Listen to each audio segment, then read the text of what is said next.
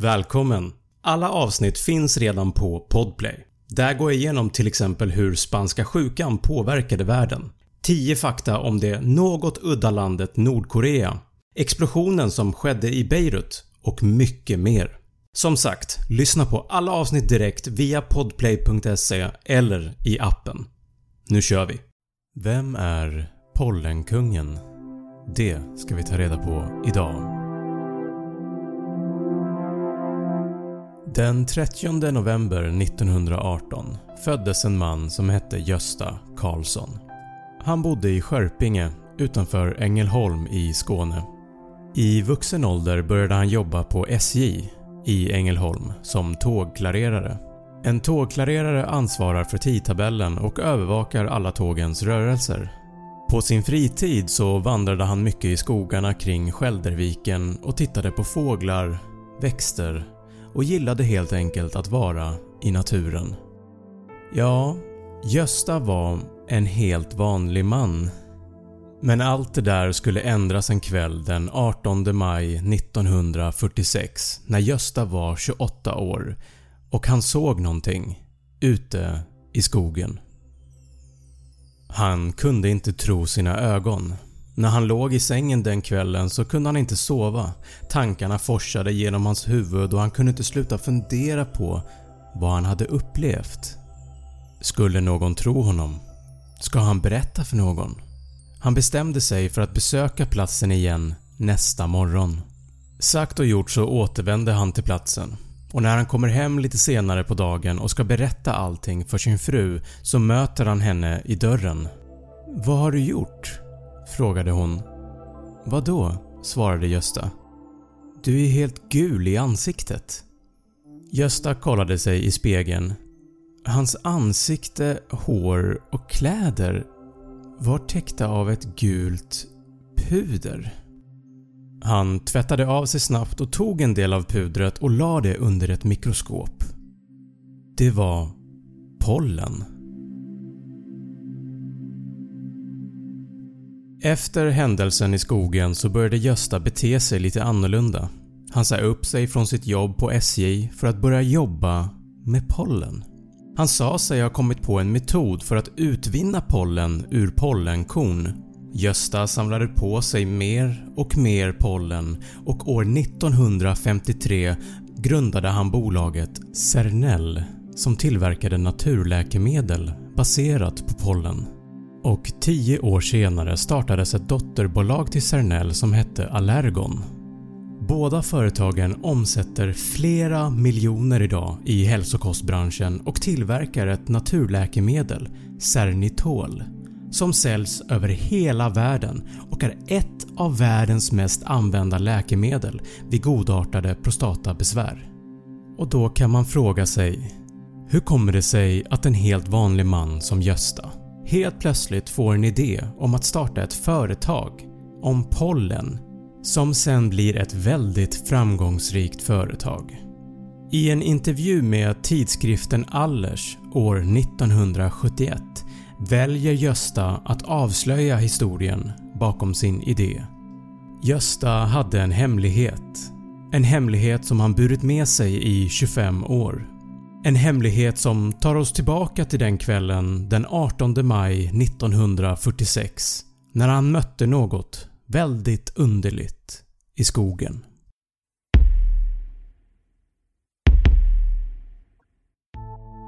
Klockan är runt 22 på kvällen och Gösta sitter och lyssnar på fåglar ute vid Skäldervikstranden. När det börjar mörkna så tänder han sin orienterarlampa som han alltid bar med sig och börjar gå iväg hemåt.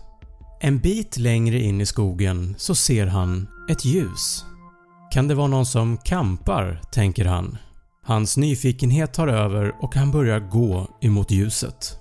Han letar sig fram genom skogen och buskarna och kommer ut på en liten äng och där ser han något som han aldrig kommer att glömma.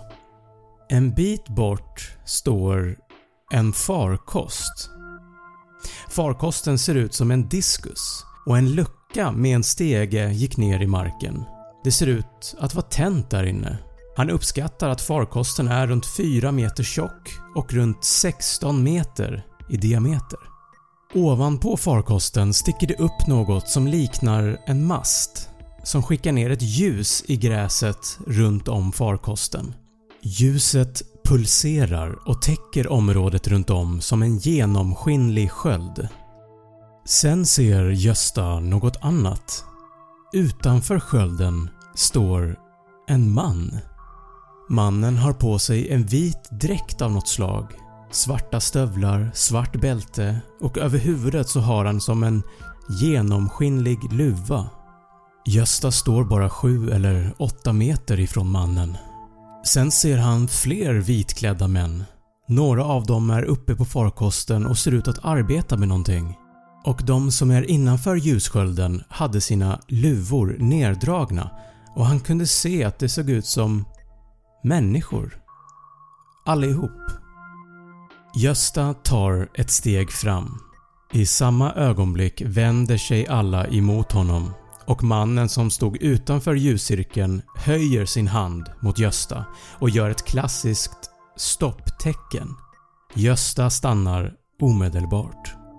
Och då ser han en kvinna som kommer ut från farkosten med ett blänkande föremål som hon snabbt kastar ut i skogen. Gösta har lite svårt att tro på vad han ser så han väljer att gå ner till vattnet en bit bort för att sen komma tillbaka och se om allting är kvar. På vägen tillbaka ser han hur farkosten svävar över marken och börjar stiga uppåt och efter en stund försvinner den med en enorm hastighet. När Gösta kom hem så kunde han inte sova och han bestämde sig för att återvända till platsen nästa morgon. När han kom till platsen dagen därpå så såg han spår efter farkosten i gräset och han hittade till och med en del saker som människorna på farkosten hade lämnat efter sig. En guldring, två bägare och en liten stav i något genomskinligt material. Efter upplevelsen med farkosten så började Gösta uppleva väldigt verklighetstrogna drömmar om nätterna. Drömmar där han träffade människorna från farkosten igen. Två dagar efter mötet i skogen så börjar Gösta känna sig lite konstig, lite tung i huvudet och varm i kroppen. När han går och lägger sig den kvällen och somnar så befinner han sig plötsligt i farkosten med de här människorna som han såg. I rummet han befann sig i fanns något som Gösta beskriver som en belyst skärm. Något som långt senare kan liknas vid en TV. Och Det som är lite intressant här är att TVn fanns inte i Sverige 1946. Den officiella starten för TV-sändningar började först 1956, 10 år senare. I rummet fanns även en man som satt vänd emot skärmen och pratade med några andra i besättningen. Mannen vände sig till slut mot Gösta och sa “Jag tyckte att jag skulle ta kontakt med dig och förklara vad vi sysslade med när du såg oss.” Gösta får veta att farkosten hade blivit skadad och två personer i besättningen hade dött.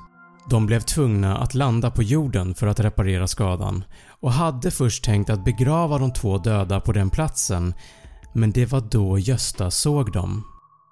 Drömmarna återkommer under flera nätter och Gösta får veta mer om de här människorna, att de kom från en annan planet och med tiden så ska han fått kunskapen om receptet som han sen använde för att starta sina företag och bli multimiljonär på pollen.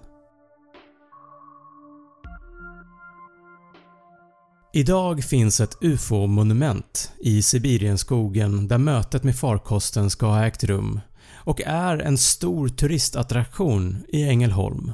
Guldringen, bägarna och staven har visats upp ett fåtal gånger för allmänheten men ingen vet vart föremålen befinner sig idag.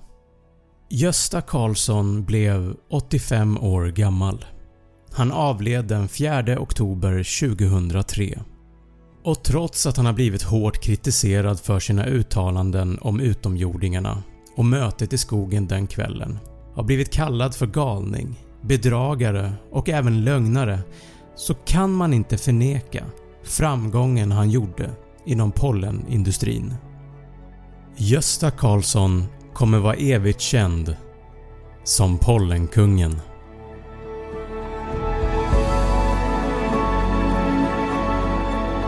Tack för att du har lyssnat på det här avsnittet. Alla avsnitt finns att lyssna på via podplay.se eller i appen. Glöm inte att prenumerera på min YouTube-kanal Snabbfakta och på Instagram heter jag snabb.fakta. Nästa avsnitt kommer att handla om Area 51. Missa inte det.